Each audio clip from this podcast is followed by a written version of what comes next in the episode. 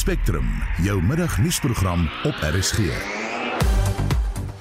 In vermiddag se program dienslewering is hoog op die agenda van Noordwesse provinsiale rede, kommer oor toenemende geweld in skole en die uitvoer van donkievelle is in die kollig. Welkom by Spectrum onder redaksie van John Estreys en die produksieregisseur Johan Pieterse en ek is Susan Paxton. Die Universiteit van Pretoria speel gasheer vir die eerste van twee vroue tennistoernooie. Drie DStv Premierliga spanne vanaand in die Nedbank beker se tweede ronde in aksie en die T20 reeks tussen Suid-Afrika en Nieu-Seeland se blinde kriketspanne het begin. Ek is Shaun Schuster vir RSC Sport.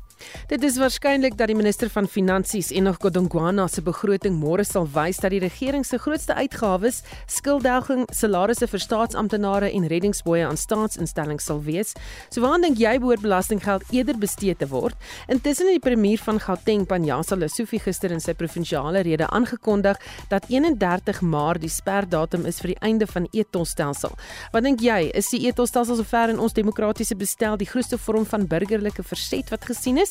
Intussen is jou mening op die WhatsApp lyn sover. Die etol wat my baie uitstaan is dat die Wes-Kaap kon verset daarteen en hulle het gewen. Ons in Gauteng het vertoë geteken en mal gegaan en ons kon nie dit wen nie. Maar dankie tog die 31ste Maart is hier. My vraag is my krediet op my staat wat ek elke maand kry van etol af, gaan hulle my terugbetaal? Uh, ek is dankbaar oor die etol. Want dit moes in die eerste instansie nie daar gewees het nie. Dis maar net opgegradeerde paaie. Die paaie bestaan al vir baie baie jare. Daar's nog geen nuwe pad gebou nie. Maar nietemin, dis nie waaroor dit gaan nie. Jy vra waaroor gaan ons die belastinggeld aanwend? Geen mens weet nie. Nie met die regering het 'n ou geen idee nie. Want as jy dink jy moet dit aanwend vir skole of opvoeding of hospitale, dan hoor jy daar is een of ander tender ding bedrog en die geld is nou nie meer beskikbaar nie. Ja, ek stem heeltemal saam met die vorige spreker.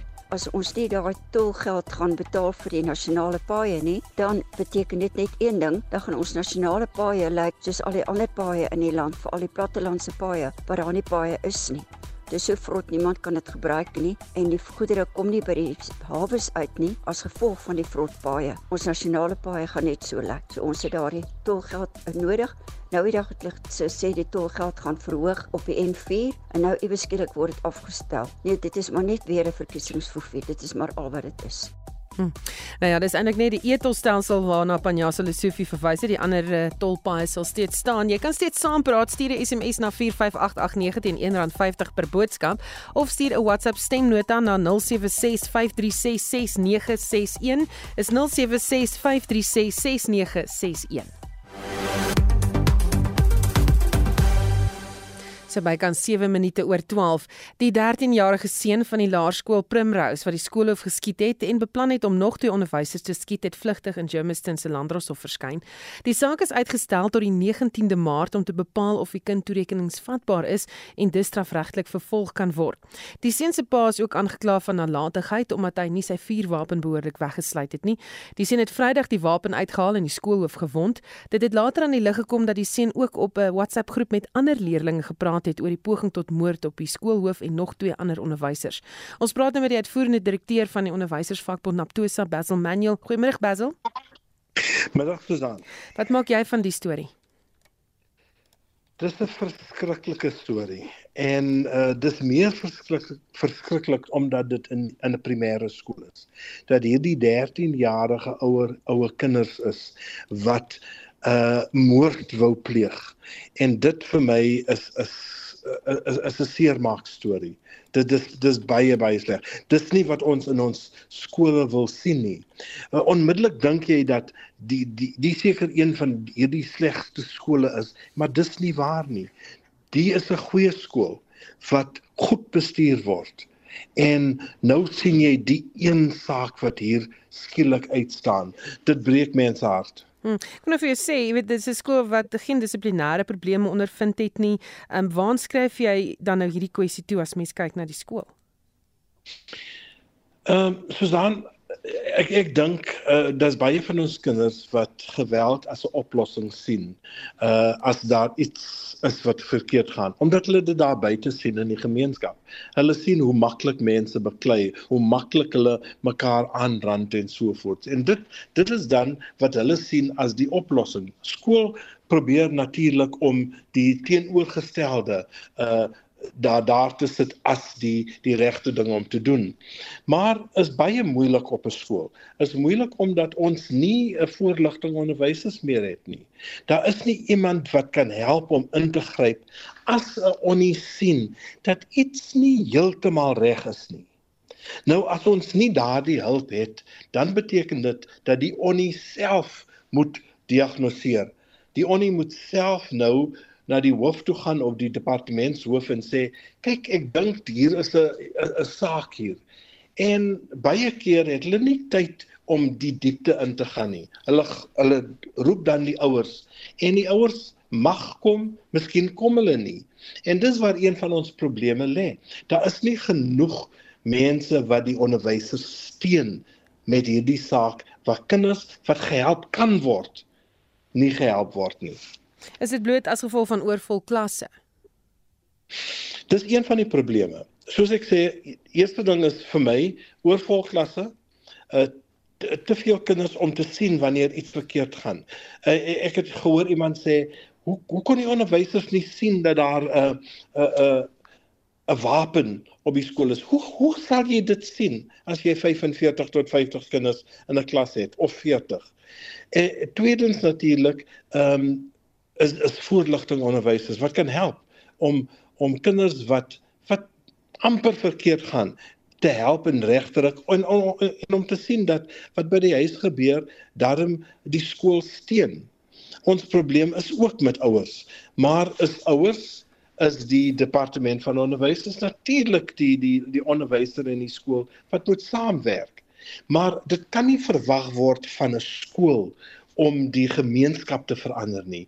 Jy verander bietjie vir bietjie, maar die die die, die gemeenskap moet saam staan, anders verander niks nie. Baie dankie. Dit was Basil Manuel, die uitvoerende direkteur van die onderwysersvakbond Naptosa. Nou die land se geweldskultuur moet dringend aangespreek word om 'n soortgelyke voorval in die toekoms te verhoed. Dis die mening van Quentin Adams, 'n opvoedkundige sielkundige wat jare lank navorsing gedoen het oor die geweldspektrum. Adams het gereageer op die skietvoorval by die laerskool Primrose aan die Gautengse Oosrand.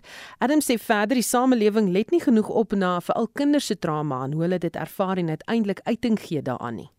Ons het nooit gedink dat ons op hierdie vlak sal beweeg nie. Ons het baie jare het ek was ek betrokke gewees met verskillende persone rondom die geweldmisdaad en veral die hele geweldspektrum van kinders en hoe dit dan oorgaan in gewelddadige misdaad. Dis almal geskok om te besef dat dit so 'n jong kind is wat hierdie goed beplan. En daarom dink ek is belangrik dat ons dit moet krities analiseer Ek het nou baie koerantberigte gelees daaroor en daar's baie meningsvormers en perspektiewe rondom dit en ek hoop om uh, ook 'n bydrae te kan lewer sodat ons kan seker maak dat dit nie 'n uh, epidemie word soos dit in Amerika gebeur het met die en uh, hoërskool skietvoorval van 1999 nie. As mens so kyk na hierdie probleem, waar lê die probleem? Hoekom sou waar sou hierdie kinders hier aankom? Kom dit is dit 'n gemeenskapsprobleem of is dit 'n probleem wat by die skool is? Ja, ek dink ons het nou nie genoeg tyd om dit op verskillende vlakke eh, te analiseer nie. Ons kry 'n mikrovlak, 'n makrovlak, 'n mesovlak, 'n kronologiese vlak, maar wat baie belangrik is is dat dit is 'n baie unieke geval wat ek dink ons fyner moet begin analiseer. En baie keer maak ons hierdie stellings dat dit is armoede, dit is ander goed, maar dan is dit op 'n makrovlak. Ek dink ons moet dit meer op 'n mikrovlak begin te analiseer. Byvoorbeeld Wat vir my opvallend is is dat die 'n geweer of 'n pistool wil gebruik het. Nou wanneer ons daarna kyk, dan is dit belangrik uh, daar's baie navorsing natuurlik gedoen oor die mag van 'n pistool in 'n kind se hand. Nou baie keer van hierdie kinders is magteloos as gevolg van verskillende faktore en dan kry hy 'n pistool in sy hand en dan voel hy nou weer mag. So dis een van die faktore wat gebeur wanneer kinders 'n geweer kry. Ek sal nooit vergeet nie jare gelede het 'n jong man vir my gesê hy was 16 jaar oud hy het deur verskillende stressor gegaan en hy was gedemoniseer en toe gee iemand vir hom 'n geweer in die hand en daai maggevoel wat hy ontwikkel het. Maar wat vir my ook interessant is en en ek dink ons moet kyk na hierdie wraakgevoel van kinders. Baie van hierdie skietvoorvalle wat ons sien, veral tussen bendes en veral jonger kinders word aangevoer deur wraak. Ek het destyds by die Universiteit van Stellenbosch ook nog 'n dosent daar was. Dit is baie gekyk na die werk van Fritz Reddel rondom wat gebeur met kinders wat wraak het. Hulle loop met hierdie wrok, hulle wil ontslaa raak. Hulle soek hierdie katarsis moment waar hulle wil uiting gee aan hierdie wraak. En hierdie wraak is as gevolg van 'n samestelling van verskillende goed wat hulle ontwikkel. En dan begin hulle hierdie geen gewete het en hierdie antisosiale gedrag te ontwikkel waar hulle voel maar hulle wil nou hulle reg in eie hande neem maar dis 'n baie sterk gevoel van wraak. Ek sê nie dis in hierdie geval maar wraak speel 'n baie groot rol. En dan die derde gedeelte wat baie interessant is is die irrasionele oortuigings wat hierdie kinders ontwikkel, veral hulle negatiewe selfoortuigings. Iemand het my iets aangedoen en dan die respons wat hulle het is ek wil doodmaak dat hulle oor wil gaan in hierdie killing instinct, hierdie thanatos drive om seer te maak, om dood te maak, om te elimineer. Maar wat baie belangrik is is dat uh, ons moet bewus raak dat baie van hierdie kinders word blootgestel aan hierdie video games. Hulle sit die televisie aan en televisie is oorlaai met geweld die oorlog wat plaasvind reg oor die wêreld op hierdie stadium maar ook hierdie videogames wat hulle na kyk. En dan natuurlik hulle word op 'n baie vroeë stadium blootgestel aan wat maak jy hoe maak jy iemand dood? So hulle word gekondisioneer. En so daar's 'n hele paar faktore wat ons na moet kyk eh, ten opsigte daarvan. Maar ek dink dit gaan oor dat hierdie kind se psigologiese ervarings moet na gekyk word. Ek het vir jare gewerk met 'n professor James Gabrino wat 'n boek geskryf het oor why boys are killing other boys en hy het ons kom besoek al in Suid-Afrika om saam met ons te werk oor hoekom raak die kinders al hoe meer jonger en wat baie interessant is is dat hy baie op gefokus het dat dit kinders wat getraumatiseer is. So ons moet kyk na die kind se trauma en die kind se portuïergroep en die blootstelling van geweld En ek dink op hierdie stadium het ons nie al die uh, nodige bronne en ondersteuning nie. Maar wat my bekommer is dat gewoonlik as gevolg van hierdie bekendstelling dat dit nie 'n sosiale uh, epidemie word nie van dit is wat Columbine uh, Hoërskool se skietery in 1999 vir ons gewys het. En uh, dit was Quentin Adams se opvoedkundige sielkundige wat jare lank navorsing gedoen het oor die geweldspektrum. Die uitvoer van donkievelle vanuit Afrika is weer onder die soeklig nadat die Afrika Unie aangekondig het dat 'n verbod op die uitvoer van donkievelle deur lande op die vasteland oorweeg moet word. Ons praat nou met Anne Marie van Sail, die mede-stigter en kommunikasiehoof van die Eseltjies Rus Veilige Hawe vir Donkies in McGregor in die Wes-Kaap. Goeiemiddag Anne Marie. Goeiemiddag Susan en luisteraars. Suid-Afrika het 'n kwota donkievelle wat uitgevoer mag word. Beteken die Afrika Unie se aankondiging dat dit nou gestop moet word?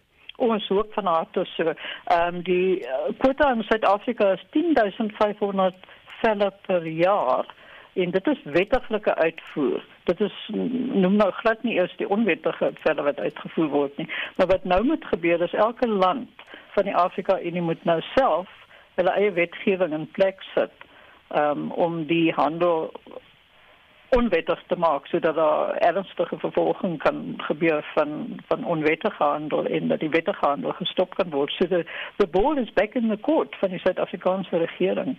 Hmm. Sal dit verbod op donkievel uitvoere nie tot slykhandel lei nie? Ja, definitief. Daar is al reeds 'n slykhandel.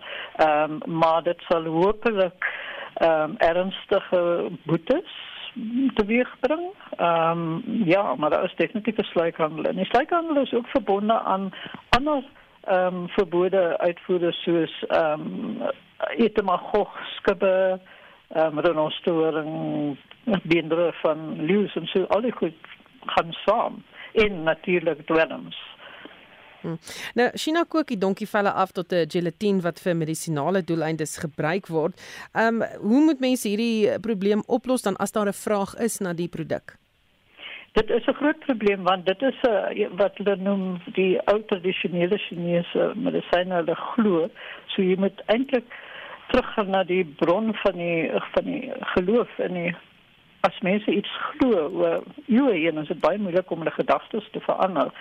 Wat daar hoop sal gebeur is dat daar sal gekyk na laboratorium kweek van agile, sodat dit nie net afhanklik is van die velle nie, maar dit is 'n baie groot baie sterk industrie wat wat ons teen staan. Hmm. En daar word geraam dat sowat die helfte van Kenia se donkies tussen 2016 en 2019 vir die velle doodgemaak is. Hoe lyk ons donkie getalle? Ons donkie getalle is ook geaffekteer. Ehm um, ek vermoed dat die sluikhandel baie goed ondergrondse gaan het of 'n bietjie afgeneem het want ons hoor minder stories. Maar ons het 'n paar jaar gelede byvoorbeeld in die Oos-Kaap gehoor van 'n paar dorpies wat naby mekaar was waar agente gekom het om donkies te koop. Ons koop 'n paar van hulle ou donkies. Goed, ons betaal hulle. Hulle kyk goed rond en 'n paar daarna, 'n paar dae daarna word al die donkies uit al die dorpies gesteel en daar is ehm um, skelette gevind in 'n vallei daar naby van 'n paar honderd donkies wat so veilig gestroop is. So dit het 'n geweldige impak op die lewensvatbaarheid van sulke gemeenskappe wat afhanklik is van hulle donkies. Baie dankie dit was Anne Marie van Sail die mede-stigter en kommunikasiehoof van die Eseltjies Rus Veilige Hawe vir Donkies. Die waarnemende premier van Noordwes, Nono Maloyi, het vanoggend die provinsiale staatsrede in die wetgewer in Mahikeng gelewer. Maloyi neem waar in die plek van premier Bushi Mape wat reeds se geruime tyd siek is. Dit is reeds die derde keer dat Maloyi as premier waarneem. Ons praat nou met ons verslaggewer in Noordwes, Tebogo Pakedi. Good afternoon, Tebogo. Good afternoon, Suzanne, and of course to the listeners. Maloy was expected to speak about service delivery in the province, something that is really dwindling in Northwest. What did he say? Thank you so much. Uh, active Premier Nomalo indicated that they will do better to, you know, make sure that the state of service provision in the province is improved. You would know that the entire province, all residents are complaining about poor service delivery. You go throughout the northwest, you know, roads are riddled with potholes, community members complaining about, you know, lack of water or water that is actually not clean. We've seen so many businesses, just to make an example, Clover, also just leaving the province, going to Free State due to poor state of service delivery. What was talking about today was the plan for this administration to ensure that they improve services. But it was quite interesting to see how he really spoke of the Tuntalole uh, acceleration campaign where they intended to accelerate service delivery, saying how every Friday it's been doing better for people. But of course, with different views, community members saying that not in actual fact getting services. He spoke about title deeds that have been given to community members, people with disabilities. He spoke about 900 internships that benefited young people here in the province. Hmm. So, is that about job creation that he spoke of? He spoke of job creation and, of course, alluded to the importance of government working with, uh, you know, private companies as well. You would know that the province is one of the provinces leading as far as unemployment is concerned. Many young people not working. But even if this is the case, you hear of allegations of municipalities employing people that are not, in actual fact, qualified to do the job you know, allegations of ghost workers. He touched on how EPWP program has assisted young people as far as getting, you know, jobs, but also uh, agreeing and conceding that they need to do better as government. Hmm. And what other important points did he touch on? There's a there's an issue of you know you'd know that the province is you know leading as far as agriculture is concerned. Yet there have been some concerns from young farmers, medium farmers, who are saying they do not have access to land as far as you know, um, you know, making sure that they plant, uh, making sure that the the goals massification project is also successful. He spoke about how they will allocate a number, thousands of hectares to some of the young farmers here in the province. He also spoke to how the Economic Advisory Council will assist municipalities. You would know that municipalities in the province are not doing well. We've seen a number of them being under administration. We've seen a number of them being under mandatory financial recovery plan. Bitsobotla in Lichtenberg, it's one of them. The He is saying that they're going to send a delegate to ensure that these municipalities are able to generate their own income, they're able to pay their own employees, but most importantly, they're able to deliver services. You go throughout many of these uh, communities or residential areas, sewage spillages are all over. One in Mahikeng, in you know uh, Hamud City village, for example. If you go there, you would think it was raining sewage. He says those are the things that they really will ensure that they touch on. But it was quite interesting how he was mainly talking about their plans. This is the last SOPA of the sixth administration.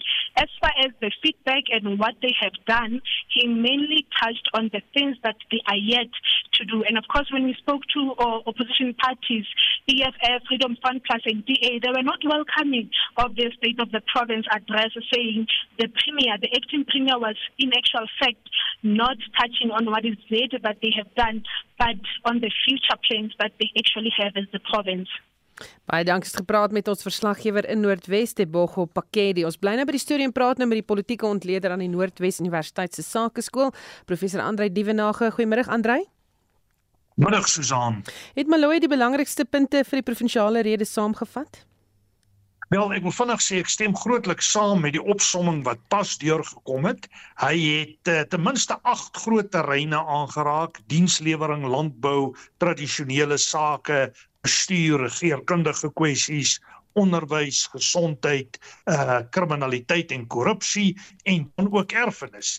En hy het sy bes gedoen om die suksesse te probeer aandui, maar ek stem saam dat baie van die goed wat bereik moet word eintlik toekomsgerig is en is daar telkens na projekte verwys wat suksesvol is. Ek dink 'n mens kan sê dat toerisme 'n element van sukses was. Die matriekslaagsyfer is aangebied wat ek natuurlik glo 'n mens moet sterker kontekstualiseer en dan toegang tot elektrisiteit. Maar belangriker is die uitdagings. En hier het 'n klomp goed sterk deurgekom. Die eerste groot uitdaging is uh, werkloosheid en ek dink ons praat van die hoogste werkloosheidssyfer in die land provinsiaal gespreek uh, gesproke. Dan natuurlik finansiële bestuur en strukture. Ons weet die ouditverslae van munisipaliteite dui daarop dat daar ernstige probleme is en daar is kapasiteitsinisiatiewe in plek gebring daar. Dan ten opsigte van plaaslike regering word verwys en ek haal aan na the collapse of governance on municipal levels en daar word gebruik gemaak van 'n vroeë uh early warning system soos hulle nou sê om as dit ware probleme te identifiseer dan is die elektrisiteitskwessie 'n probleem korrupsie en misdaad is 'n probleem en uh twiste tussen tradisionele leiers is as die belangrikste kwessies aangedui. Ek dink in die algemeen kan mens sê die toespraak is gebalanseerd. Dit dui vir my op 'n provinsie wat werklik voor groot uitdagings te staan gekom het en ek dink daar lê baie werk voor vir die volgende administrasie wat sal moet oorneem na die 2024 verkiesing. Hm. Dis reeds die derde keer dat Maloyi as premier waarneem. Hoekom is Bushemapi nie deur die ANC gevra om uit te tree nie of hoekom het hy nie self besluit om dit te doen nie? Uh Susan, ek dink dit hou maar verband daarmee dat uh, die termyn die 6ste administrasie se termyn gaan na alle waarskynlikheid uh, in die volgende 3 maande verstryk. Ons wag vir die verkiesingsdatum en ons spekuleer daaroor, maar 3 maande is min of meer 'n akkurate tydsraamwerk en uh, dan moet 'n nuwe administrasie begin so ek dink om 'n premier nou volledig in te huldig vir 3 maande is gewoon net nie prakties nie en dan weet mense ook nie presies wat is Bushimape se siekteomstandighede en sy werkvoorwaardes nie. Maar duidelik kan mens sien dat Nono Moloi, ook die leier van die ANC, besig is om beheer te neem van die politieke toedeel. Ek wil nou vir gevra het wat is die politieke stand van sake in die provinsie? Dit was op 'n stadium baie verdeeld. Wel uh, dit bly uh, dit is en dit bly verdeel. Ons het talle kwessies hier rondom lyste binne die ANC en die ANC lyk maar in die provinsie ook soos hy in ander dele van die land en ook nasionaal lyk met faksiegevegte en so meer.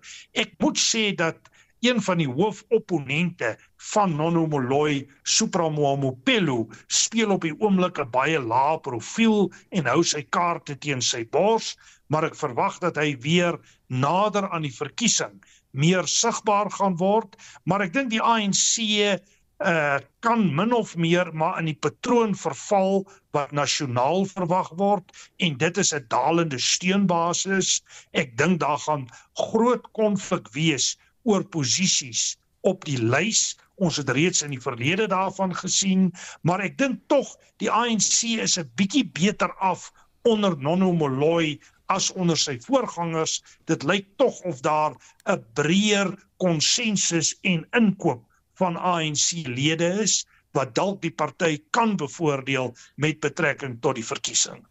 Baie dankie ons praat met die politieke ontleder aan Noordwes Universiteit se Sakeskool professor Andrei Dievenage.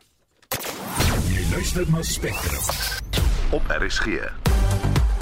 In die tweede helfte van die program Suid-Afrika lewer betoog by die internasionale geregshof oor die regsgevolge van Israel se besetting van die Palestynse gebied sedert 1967 en die werkloosheidskoers vir die 4de kwartaal van 2023 was 32,1% bly ingeskakel.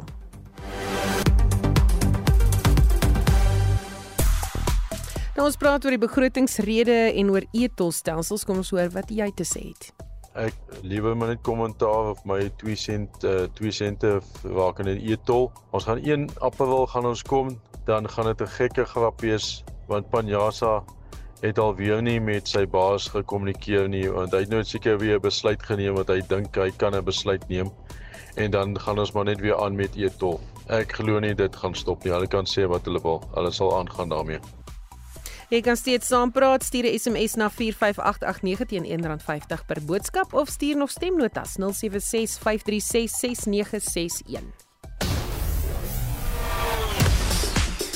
En Shaun Justus sluit nou by ons aan met die jongste sportnuus. Goeiemôre Shaun. Goeiemôre Susan. Die ITF W50 vroue toernooi het vanoggend by die Universiteit van Pretoria begin. Ja, Wipple bied twee vroue toernooie oor die volgende 2 weke by die by die universiteit aan. Nou dit is 'n guldige geleentheid vir ons plaaslike spelers om internasionale oppositie op tuisbodem te pak. Vyf Suid-Afrikaners neem deel met Isabella Creer, ons voorste speler. Sy is 743ste in die wêreld en sy is ook deur na die tweede ronde nadat Indie de Vrome van Nederland in die tweede stel weens besering moes onttrek. Nou Creer het die eerste stel 6-3 verloor, maar sy was 3-0 voor in die tweede stel. Zoe Creer het ook 'n taai stryd teen Manuel Lennard van Frankryk wat voorlê. Daniel Dai Chapman speel ook teen Demitran van Nederland en dan kom sit in Kossie Dunkane ook teen Caitlin Ramduff te staan.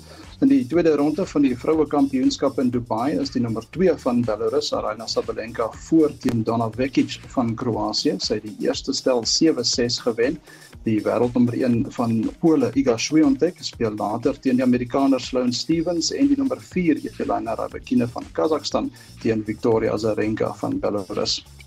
Dan die sokkerveld is ook nogal besig vanaand.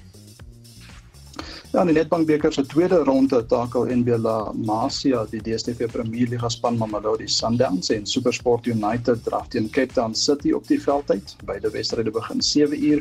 In die Engelse Premier Liga skuur Manchester City vanaand half 10 teen Brentford skouers skouers en dan in die Europese Kampioenligga se laaste 16 ronde dis in die eerste been met Inter Milan vanaand teen Atletico Madrid en PSV Eindhoven teen Borussia Dortmund kragte en dit is om 10:00. Die Suid-Afrikaanse blinde kriketspan se T20 reeks teen Nieu-Seeland het ook vanoggend begin. Ja, die eerste wedstryd is reeds by die Pirates Cricketgronde in Johannesburg aan die gang. Wedstryd nommer 2 word môreoggend 10:00 by dieselfde gronde gespeel. Smaker is 'n draai en ondersteun die nasionale span. Die uh, reeks tussen Suid-Afrika en Nieu-Seeland bestaan uit 6 T20 wedstryde en 'n enkele eendag wedstryd. Suid-Afrika het die vorige reeks teen Nieu-Seeland in 2020 ook gewen. En dit was Shaun Jooste van RSG Sport. Suid-Afrika se verteenwoordigers sal vandag namens die land betoë lewer voor die internasionale geregshof in Den Haag in Nederland. Dit hou verband met die saak oor die regsgevolge van Israel se besetting van die Palestynse gebiede sedert 1967. Meer as 50 lande is by die saak betrokke wat gisteroggend begin het en tot 26 Februarie duur. Dit is die tweede keer dat die Verenigde Nasies se Algemene Raad die Wêreldhof vir 'n regsmening vra. In Julie 2004 het die hof beslis dat Israel die grensmuur in die Wes-oewer moet afbreek wat strydig is met die internasionale reg. Ons praat nou hieroor met Roland Henwood, 'n politieke ontleder aan die Universiteit van Pretoria. Goeiemôre Roland. Goeiemiddag Susan. Is die eerste keer dat 52 VN-lidlande saamspan in 'n saak oor Israel se omstrede Israeliese beleide in die Wes-oewer, die Gaza-strook en die besette Oos-Jerusalem. Dis ook die grootste aantal partye in een enkele saak in die internasionale regshof sedert sy ontstaan in 1945. Wat sê dit vir ons van die saak? Ek dink dit sê vir ons 'n paar dinge. Eerstens hoe belangrik die saak is, tweedens hoe die die gesindhede besig om te verander en hoeveel mense werklik erns begin maak met wat besig is om in om in spesifiek in Gaza te gebeur en voel daar moet standpunt ingeneem word.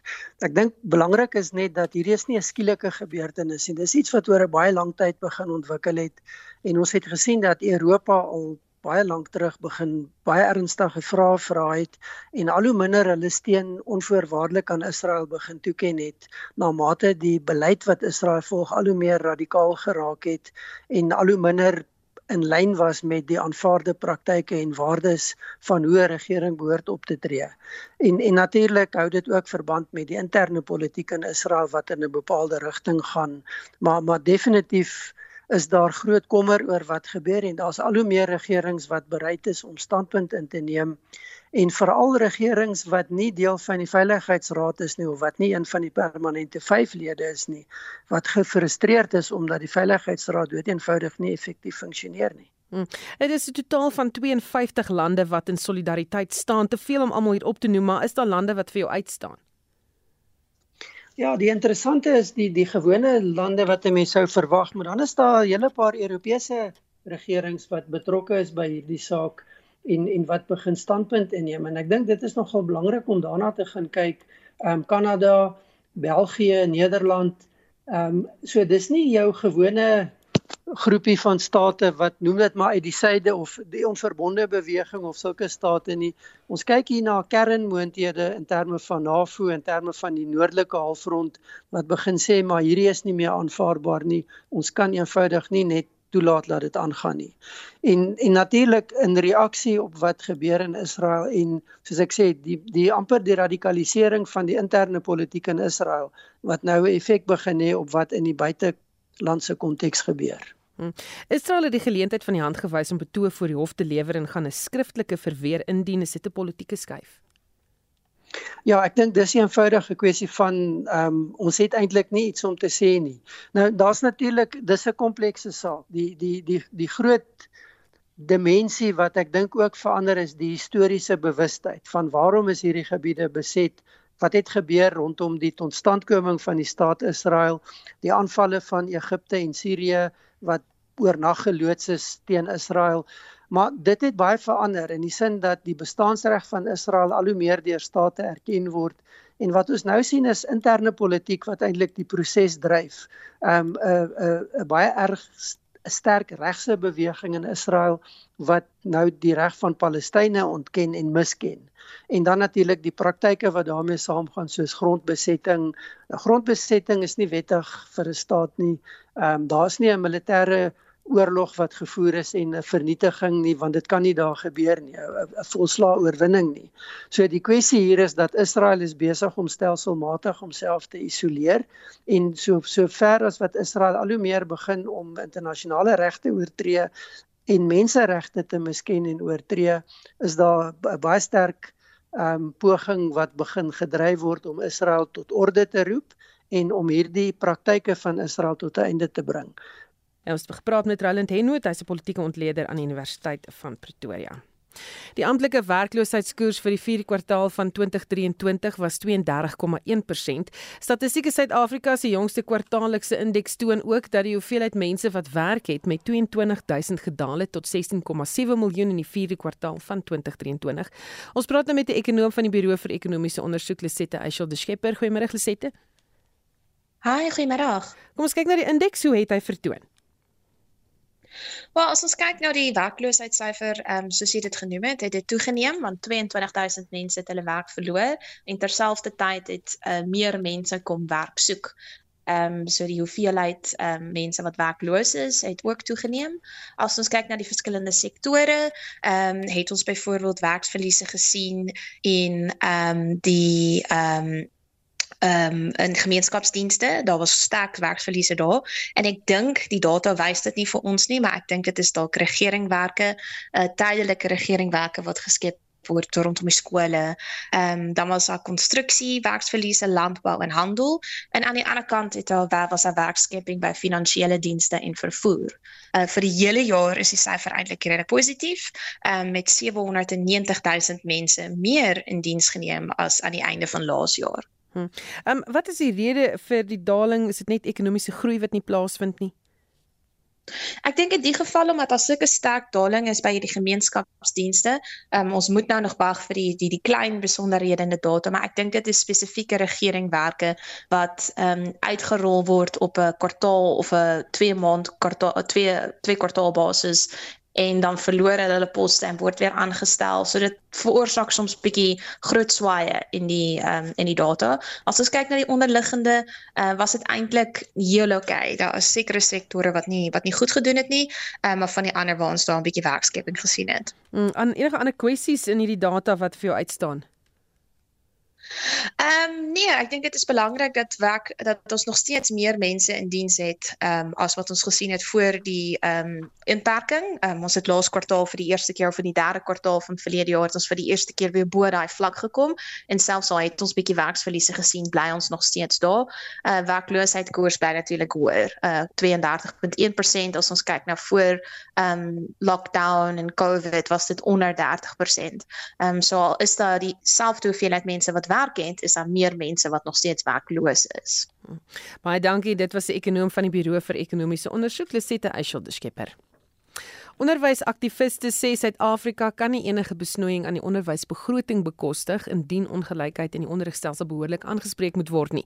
Die Wes-Kaapse Onderwysdepartement moes verlede jaar planne om nuwe skole te bou afskaal weens groot begrotingsbesnoeiings. Aanmenay Eckart berig.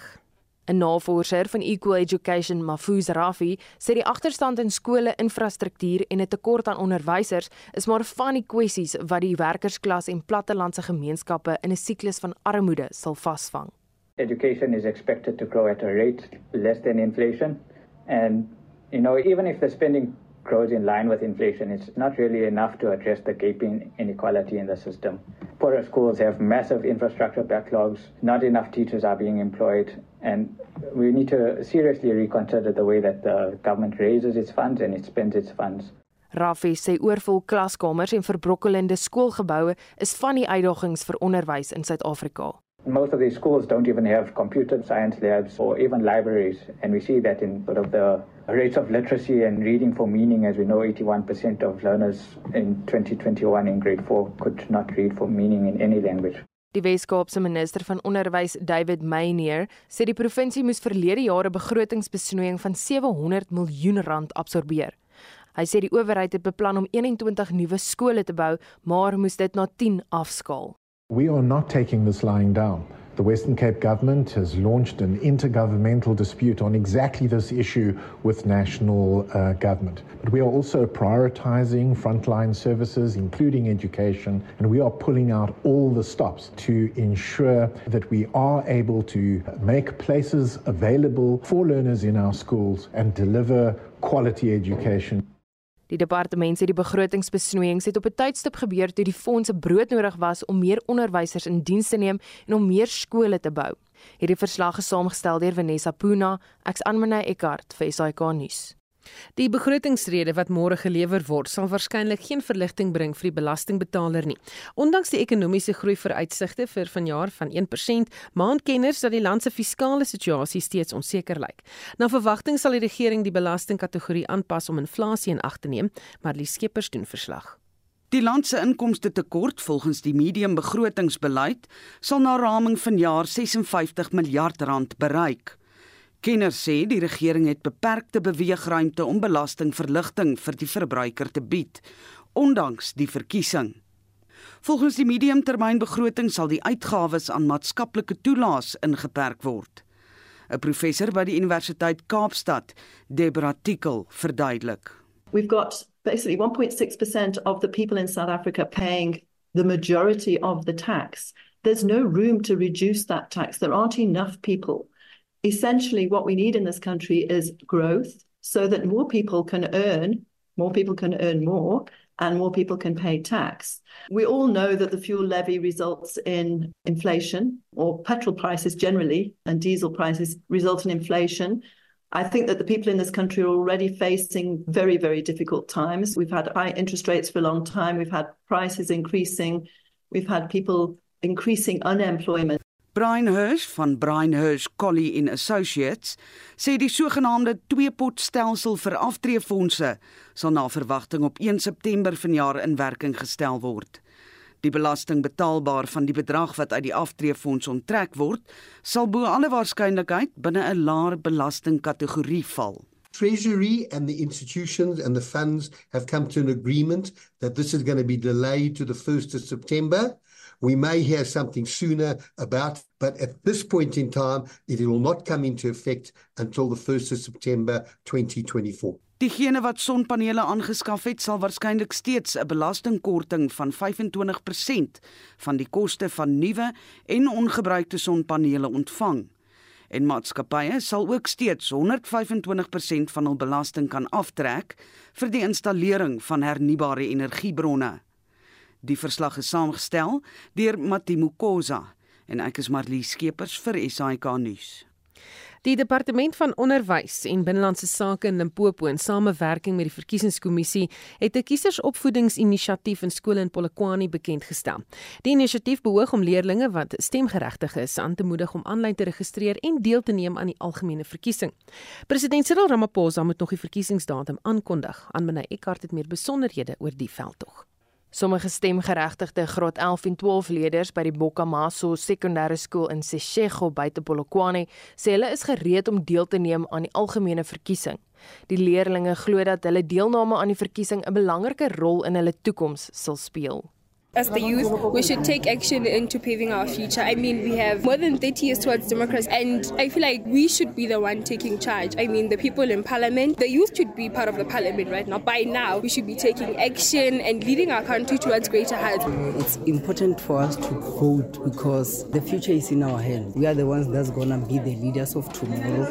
We are the ones that should pave our own way into the future. We vote for the party that we want and we think will be able to show and bring us those things that we want. Die ALR vir onderwys in Limpopo, Mavungule Rule Ramankanya, sê die veldtog om nog stemgeregtigde leerders op te voed in aanlyn registrasies sal voortgaan in alle distrikte in die provinsie. We um on our drive for voter online registration. IEC identifies the young people currently now for voter registration online in our schools, and uh, we have agreed that um, the department is giving them access to our schools so that then they can be able to talk to our young people to understand democracy. It is their responsibility to remind them about the democracy and why it's important for the young people to vote.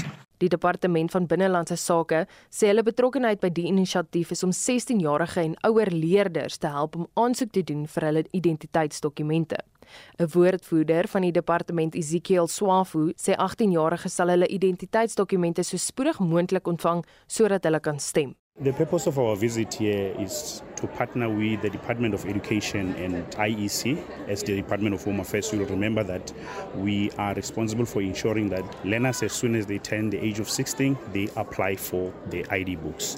Now, one of the requirements that is needed for a child to apply for an ID, the child must be at the age of 16. Now, this program, if it's going to take place in all these different schools, will be utilizing our mobile offices to make sure that we don't disrupt learners. That's why we'll need the parents and the mother to be there. More to that is that we also want learners to know that as a department, we're also offering a service called temporary ID certificates. Meer as 200 skole in Limpopo sal deur die OVK beamptes besoek word in die komende week. Die verslag is saamgestel deur Koketso Motao, ek's Anmina Eckart vir SAK nuus.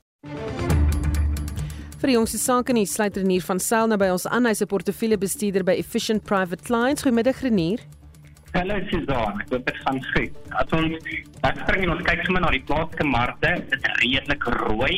Ons mark vandag, die alle aandele indeks klaar met so 0.9% op die oomblik. Nou, hy word saaklik op die oomblik afgetrek deur Supergroep en MTN. Supergroep groep is laer met so 5.9%. Groot rede daarvoor is is dat die logistieke maatskappy het gesê dat hulle verwag dat hulle profit met so 16% gaan daal vir die 6 maande tot einde Desember.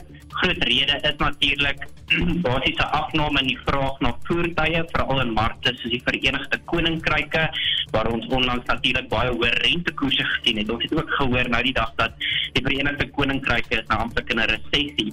Dan het MTN se aandeleprys ook gedaal met so 4.5%. Nou die groot Amerikaanse bank Bank of America, hulle het sy 12 maande of 1 jaar teikenprys afgegradeer na R80 toe en dit is ook dan nou so 6 of 7% onder die vlak waar MTN nou verhandel.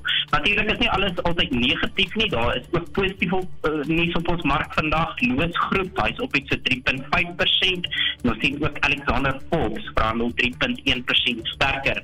Die rand het 'n klein bietjie verswak van vanoggend se vlakke. Hy's onder die R19 tot die dollar op 18.99. Hy staan teen so 23.95 teen die pond en dan teen so 20.52 teen die euro. Die prys van goud is 1.2% sterker op 2027 dollars per fyn ons. Die prys van Brent olie staan op so 83 dollars per vatjie Brent. Amerikaanse markte lyk asof hulle bietjie later in die rooi wil oopmaak en so ook verhandel meeste markte in Europa op die oomblik in die rooi. Dis my teorie vir vandag en ek hoop het almal 'n baie lekker dag verder. Tot Baie dankie en dit was Renier van Sail van Efficient Private Clients. Die laaste rolprent waarin die ontslape akteur Bradley Olivier verskyn, Frankie en Philippe begin hierdie week op die silwerdoek draai. Olivier en sy beste vriend sedert skooldae, Solomon Cupido, was ook die medeskrywers en vervaardigers van die komedie. Die regisseur Marvin Libeke sê Frankie en Philippe is 'n huldeblyk aan Olivier, so het hy dit aan Anne Marie Jansen van Vieren vertel. Die hele movie is 'n huldeblyk aan Bradley. Ek is so dankbaar dat ons dit kon klaarmaak en dat dit dit kon soveel anders uitgedraai het. Nie dat die movie enigstens belangriker is as enigiemand se lewe nie, maar Bradley het soveel in hierdie movie ingesit en jare van sy lewe in hierdie movie ingesit. So die feit dat ons kan sit met 'n movie wat klaar is en wat hom eintlik vir ewig kan op 'n manier aan die lewe hou is, is ja. En wat was die proses? Het hy en Solomon na jou toe gekom of was julle al drie saam van die begin af van die ding? Bradley en Solly ek het geweet hulle skryf vir lank aan die ding. Ek kon sien Bradley was baie lank aan die skryf want ek het ook 'n movie geskryf en ons het kan of dieselfde deal gekry op dieselfde tyd en ek kon sien hoe die proses gaan. En ek dink na 5 jaar van skryf het ek eers in die prentjie gekom. En toe was dit maar 'n bietjie van voel voel is ons reg om saam te werk. Is ek die regte persoon vir die job want dit is 'n baie dis 'n baie gewees. Dis 'n you know so lank aan geskryf. Toe ek aan boord is, ja, toe toe spring ons weg. Hoe was dit om met hulle twee te werk? Ek dink hulle het 'n baie interessante dinamika. Hulle het 'n baie interessante dinamika. Hulle stem saam oor baie goed en hulle het ook verskille gehad oor sekere goed. Dis nou die nice ding van drie mense in 'n span wees, is dat altyd as nooit 'n deadlock het. Daar's altyd iemand wat besluit. En ek dink hulle hulle het mekaar gebalanseer. Die hulle opinies het dit is nie teenstrydig nie, maar dit dit het balans gebring aan die hele ding. So um, wanneer hulle vasgesit het of ons vasgesit het, het dit altyd op 'n plek gekom waar ek voel nou is dit die beste. Nou is die beste uitkoms gekry. Ek wil net sê ons is almal verskriklik trots op die movie en ek hoop regtig mense geniet dit. En gaan kyk dit. En dit was die rolprent regisseur Marvin Libekes en hy het met Anne Marie Jansen van Vieren gepraat. Estie hou die ontwikkelende nuusstories dop en ons begin met nuus dat die dierebeskermingsvereniging by die hawe in Kaapstad van die beeste aan boord van 'n skip van kant moes maak. Susan is stink reuk hang oor Kaapstad en is afkomstig vanaf die skip waarin die beeste vervoer word. Sowat 19000 beeste word op die skip vanaf Irak na Brasilië vervoer en die skip het by die hawe in Kaapstad aangedoen om voer te laai. Die nasionale woordvoerder van die DBV, Jacques Peacock, sê beamptes is reeds die naweek aan boord van die skip. We do confirm that at least five animals have to be euthanized due to the extent of their disease and injuries. And um, we are still waiting a full report from our team on the ground as they really are busy inspecting and don't necessarily have the time to give us real-time updates. It's also incredibly difficult to communicate from the ship due to the noise. It's extremely loud in the ship as well. So we will be having a debriefing and get more information. Nou soos dit ons vroeër in Spectrum berig het, het Suid-Afrika vandag betoog gelewer voor die internasionale geregshof in Den Haag in die saak wat verband hou met die regsgevolge van Israel se besetting van die Palestynse gebiede sedert 1967. Suid-Afrika is vandag een van 10 lande wat betoog lewer, maar daar is 52 lande in totaal wat betoog voor die hof sal lewer in die saak wat gisteroggend begin het en tot 26 Februarie sal voortduur. Palestynse verteenwoordigers het gister betoog Israel se besetting van Gaza is onwettig. Die BBC se Anna Hollingen doen verslag. South Africa and the Netherlands will be among the first 10 countries to address the court. The case was generated by a request from the UN General Assembly, which asked for the ICJ's opinion on the legal status and consequences of Israel's occupation of the Palestinian territories. Israel is not attending the hearings in The Hague, but sent a five page written statement in which it said an advisory opinion would be harmful to attempts to resolve the conflict because the questions posed by the UN were prejudiced. The judges are expected to take roughly six months to issue an opinion. Die passasierspooragentskap PRASA het president Cyril Ramaphosa se besluit om 'n spesiale ondersoekeenheid toe te laat om korrupsie by die staatsentiteite ondersoek verwelkom. En Ramaphosa het die proklamasie onderteken wat die SOE magtiging gee om beweringe van tenderongeruimthede by die aankoop van treine te ondersoek. Die adjunksekretaris-generaal van die United National Transport Union, Dan Kumalu, sê hy hoop die ondersoek sal vrug dra en dat die geld teruggewin kan word. Lot of money was lost. We're talking billions, and as a result, we can see that impact on PRASA turnaround strategy. I mean, there are a lot of things that need to be in place, but they can't actually because of money, because they allowed things to happen. Hence, we are saying government is reacting where they have to act swiftly. First, one has to appreciate to say you cannot audit yourself immediately when some of the things that were picked up by government, they should have intervened by then so that they save the state-owned entity. In internasionale nuus het duisende dokters in Suid-Korea bedank en hulle het bedank uit verset teen planne om die getal mediese studente in die land te vermeerder. Die regering sê mediese studente moet vermeerder word omdat Suid-Korea 'n drastiese tekort het aan gesondheidsorgwerkers, maar dokters wat bedank het vrees dat hulle salarisse drasties gaan daal. Die BBC se Joel McKenzie berig.